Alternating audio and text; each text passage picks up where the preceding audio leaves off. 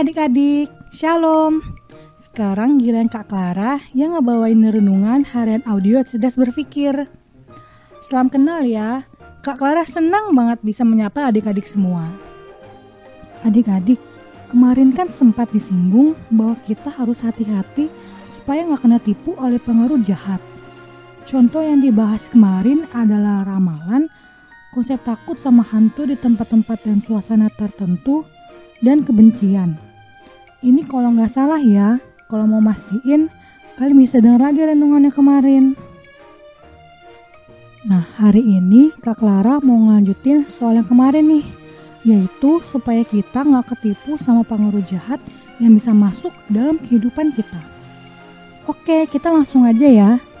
Ketamakan adalah pengaruh jahat yang bisa menipu kita. Nama lainnya rakus dan serakah. Ada banyak sih pengertian dari ketamakan.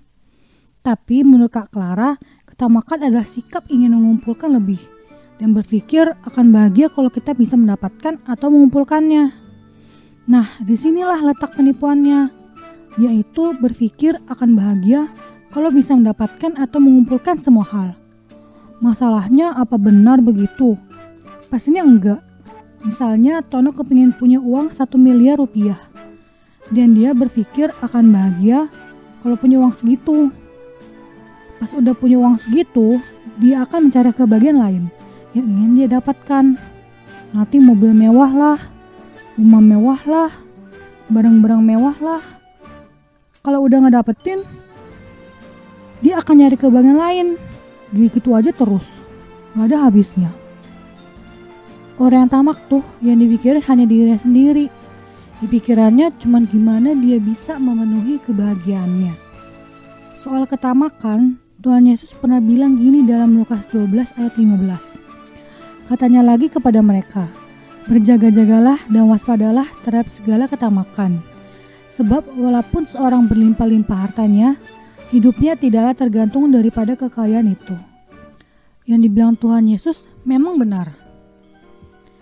Loh kak, Masa kita jadi nggak boleh punya impian memiliki sesuatu yang berharga kayak harta dan kekayaan sih kak? Ya boleh-boleh aja, sah-sah aja itu mah. Cuman yang harus kita selalu pikirkan adalah jangan sampai kita menjadikan harta atau impian yang lain sebagai sumber kebahagiaan yang mutlak. Kumpulkanlah harta supaya bisa lebih efektif dalam mengabdi kepada Tuhan dan menolong sesama. Adik-adik, kalau ngomongin soal ketamakan itu nggak cuma soal tamak akan harta loh ya. Bisa juga tamak akan makanan, jabatan, pujian, pengakuan dari orang lain, dan kayaknya masih ada lagi yang lainnya. Misalnya aja tamak akan pujian. Orang yang demikian pasti melakukan segala sesuatu demi mendapatkan pujian. Baginya, pujian akan membuat dia sangat bahagia Ya, memang pujian adalah hal yang membahagiakan sih ya.